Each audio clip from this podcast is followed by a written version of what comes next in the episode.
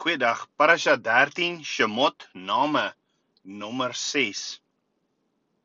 Ons het gesien Abba Vader gee vir Moses 'n opdrag om die kinders van Israel te gaan verlos.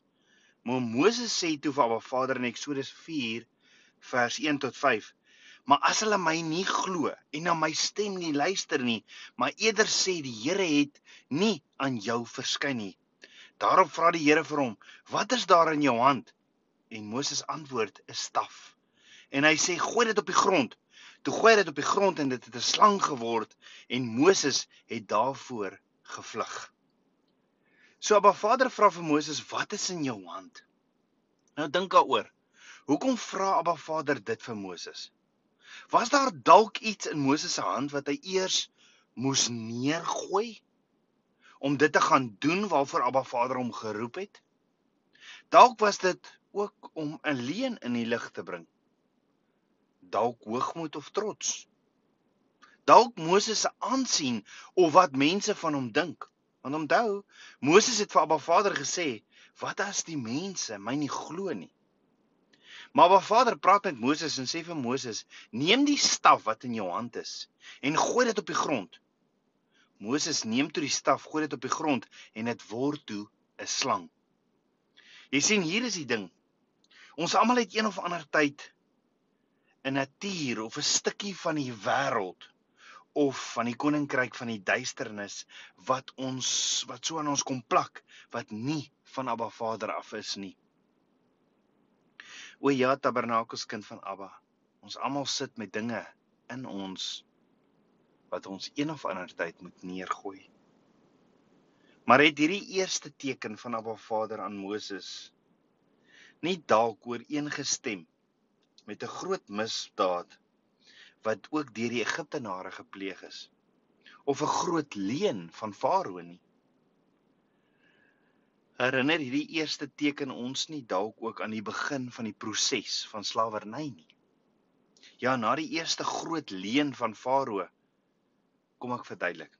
In Eksodus 1 vers 7 tot 11 staan: "Maar die kinders van Israel was vrugbaar en het baie geword en hulle het vermeerder en buitengewoon magtig geword sodat die land vol was van hulle. Toe staan daar 'n nuwe koning oor Egipte op wat niks van Josef geweet het nie. Dit aan sy volk gesê: "Kyk, die volk van die kinders van Israel is meer en magtiger as ons. Kom, laat ons 'n slim plan teen hulle beraam sodat hulle nie kan vermeerder nie." En as ons in oorlog geraak, hulle ook nie by ons vyande aansluit en teen ons veg en uit die land optrek nie.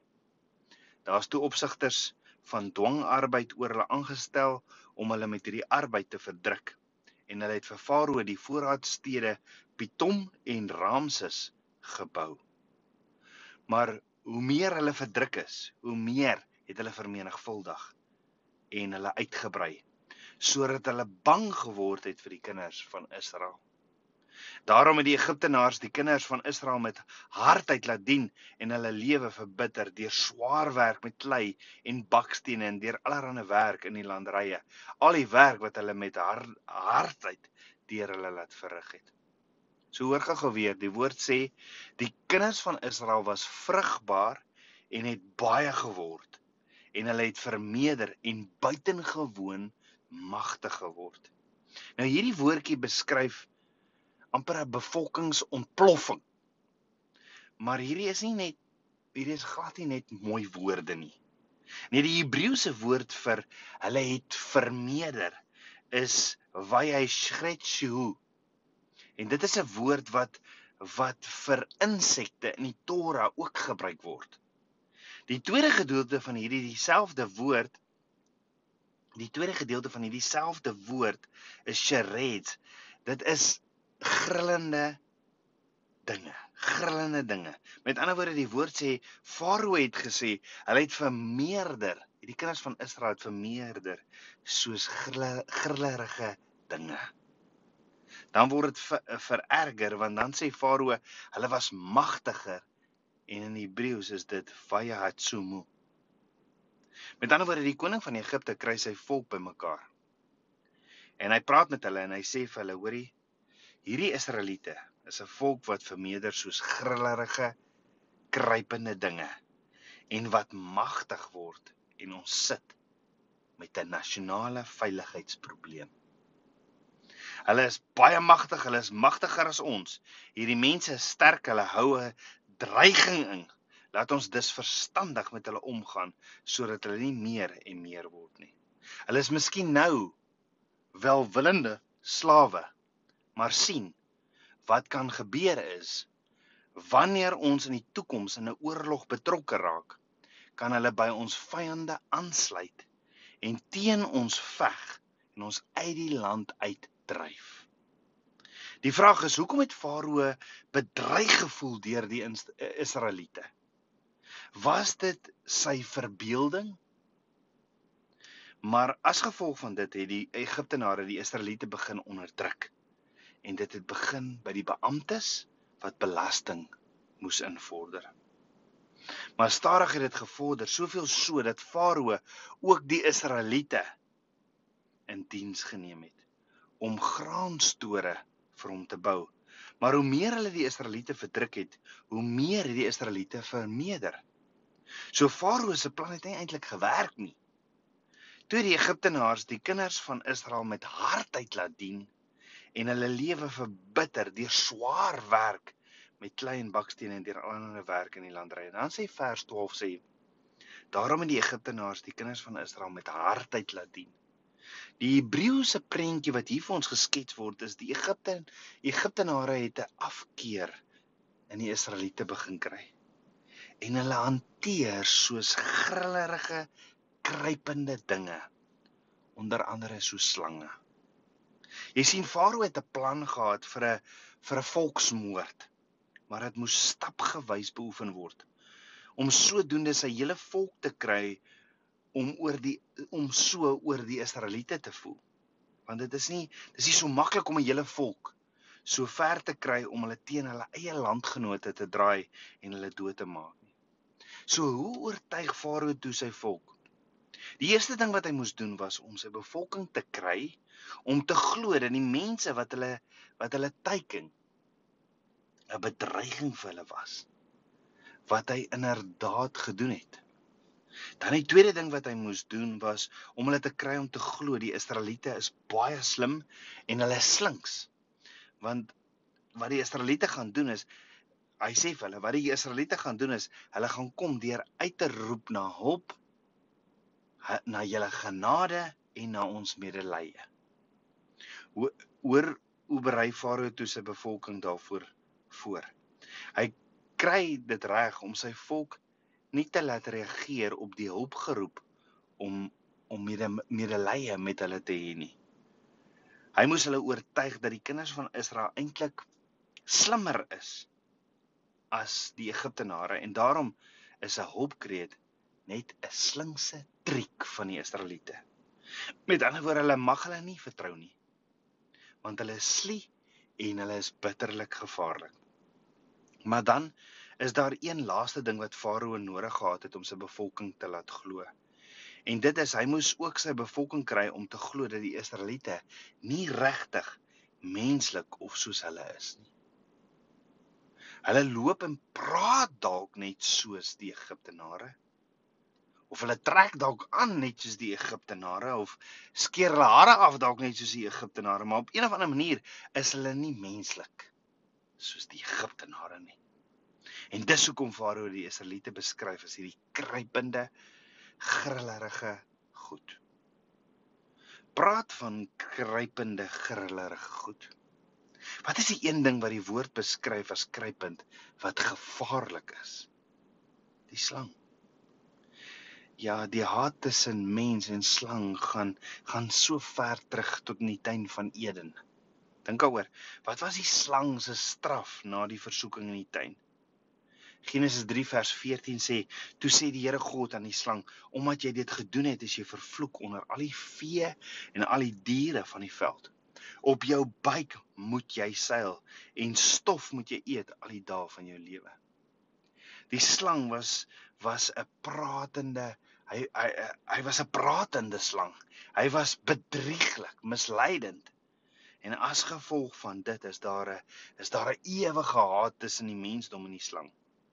Die slang mag dalk soos ons praat, soos die mens praat, maar dit beteken nie hy's nie bedriegliks, slinks en misleidend nie.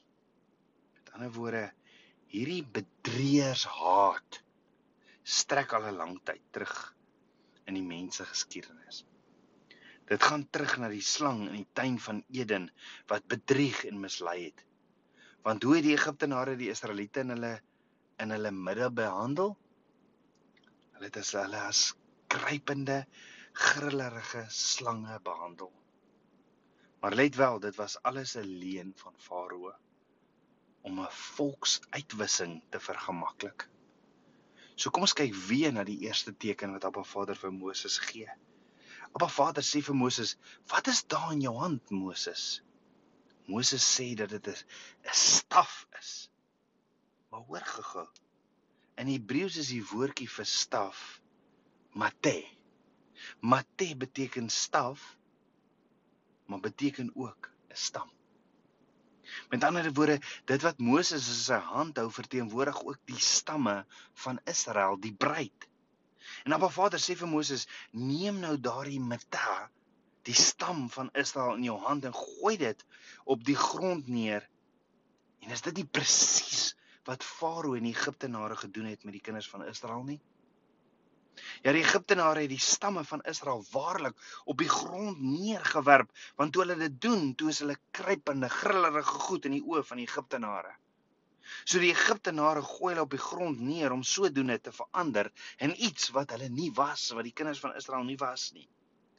Die Egiptenare het die kinders van Israel in hulle gedagtes in slange omskep en dit was natuurlik alles vals, 'n leuen van Farao. Dis hoekom Moses die slang weer aan die stert kon gryp. Want dit gaan weer 'n staf wees, want dit was nooit regtig 'n slang nie, dit is alles vals. Wat Abba Vader vir Moses en die kinders van Israel en ook vir my en jou in hierdie teken leer is dat hy goed weet. Hy weet goed dat die Egiptenare hulle sien as slange en hy verstaan hierdie leuen. Maar dit het nie hier begin nie. Die begin van leuns was by die slang in die tuin van Eden. Die eerste groot leuen van Farao was egter dat die kinders van Israel nie regtig mense was nie, maar dat hulle slange, kruipende dinge was of karaktereienskappe gehad het van die slang. Jy sien hier is die ding. Ons het almal een of ander tyd 'n natuur of 'n stukkie van hierdie wêreld of van die koninkryk van duisternis wat so aan ons kom plak wat nie van Abba Vader af is nie. Ons sit almal met soms met met kenmerke van die vyand, die slang, soos soos leuns, soos skinde, soos soos hoogmoed of trots wat ons geleer het in die wêreld En wanneer ons dit neergooi soos Moses en leeg word, dan sien ons na die tyd ons het hierdie karaktereienskap of die natuur van die slang, die vyand eintlik neergegooi. Dis die slang. Yeshua sê in Johannes 8 vers 43: "Waarom ken julle my spraak nie? Omdat julle na my woord nie kan luister nie. Julle die duiwel as vader en die begeertes van julle vader wil julle doen." Net soos Moses. Dink daaroor Tabernakels kind van Abba. Wat se natuur of kenmerke van die vyand moet ek en jy dalk neergooi vandag? Is dit dalk woede? As jy dit vandag sal neergooi, sal jy sien dit sal verander in 'n slang, want hoor gou-gou. Nadat Abba Vader vir Moses gesê het om dit neer te gooi, sê hy vir Moses: om die slang aan sy stert weer op te tel. Nou as jy 'n slangvanger sou gaan vra, dan sal hulle vir jou sê, "Nee, jy tel nooit 'n slang aan sy stert op nie." Hoekom nie? Want as jy hom optel aan sy stert, buig hy sy lyf om en hy pik jou. So jy moet tog eers die kop vaspen of vasdruk voordat jy 'n slang optel, want dan weet jy dat jy veilig is. Maar Abba Vader sê vir Moses, stel hom op aan sy stert nadat Moses wou weghardloop, nê? Maar hoekom sê Abba Vader vir hom tel hom op aan sy stert? Dalk het Abba Vader 'n boodskap vir my en jou. Jy sien die boodskap kom van die tuin van Eden se dae af. Waar die slang aangesê word dat hy die mens aan die hakskeen sal byt en die mens sy sy kop sal verprysel. Maar hier gee Abba Vader te kenne dat die Moses nie nodig het om die slang se kop te verprysel nie. En dis die werk van Yeshua. Maar dat Moses sommer net die slang aan die stert weer moet optel. Hoekom? Hoekom? Want as ek en jy dit wat ons onderkry. Dit waarmee ek en jy sukkel, soos leen, soos kinders, soos hoogmoed en wat ander mense van ons dink, daai waarmee ons so sukkel. As ons dit sal neergooi en vir Abba Vader gee, sal hy die slang se kop self verwoes. Wat ons weet hy het, hy het sy seun gestuur om dit te kom doen nê op aarde. Abba Vader het nie my en jou hulp nodig vir dit nie. Nee, al wat Abba Vader van my en jou verwag is om vas te stel wat die boodskap is en dit te gehoorsaam. Met ander woorde wat Abba Vader vir Moses sê is Moses moenie jy bekommerd wees oor wat die mense dink of dat die slang jou sal pik nie. Moses luister net noukeurig na my stem. Doen presies wat ek sê en moet jy nie vrees of bekommerd wees of die mense jou sal glo of nie. Doen jy net wat ek sê. Net so tabernakelskind van Abba Vader. Net so moet jy besluit of jy die natuur van die vyand sal neergooi vandag of nie. En as Abba Vader jou vra om die slang op te tel, net so moet jy besluit om Abba Vader te vertrou of nie. Hoor gou weer wat sê die woord. Moses het sy staf neergegooi en toe dit wat 'n slang geword het optel en hy sterk, toe word dit weer 'n staf. Nee, dis nie wat die woord sê nie. Die woord sê toe word dit Abba Vader se staf. Met ander woorde, Moses het sy natuurlike hierdie eie ek, hierdie hierdie kenmerke van die vyand, hierdie leuns, hierdie skinder, het hierdie kenmerke van die slang neergegooi en Moses het Abba Vader se kenmerk opgetel in gehoorsaamheid en hy ontvang toe 'n nuwe staf. 'n Abba Vader staf. Hy ontvang 'n nuwe autoriteit. Abba Vader se autoriteit. Tabernakelskind van Abba, Abba het vandag vir jou ook so staf. Kom ons bid saam. Abba Vader, skieper van my hart, ek loof en prys U. Vader, ek wil neergooi wat nie van U af is nie. Vader, deurgrond my. Abba, ken my hart. Toets my, ken my gedagtes en kyk of daar by my 'n weg is van smart. En lei my op die ewige weg meer en meer van U. Ek bid dit alles in Yeshua, Hamasieg se naam, die seun van Jahweh.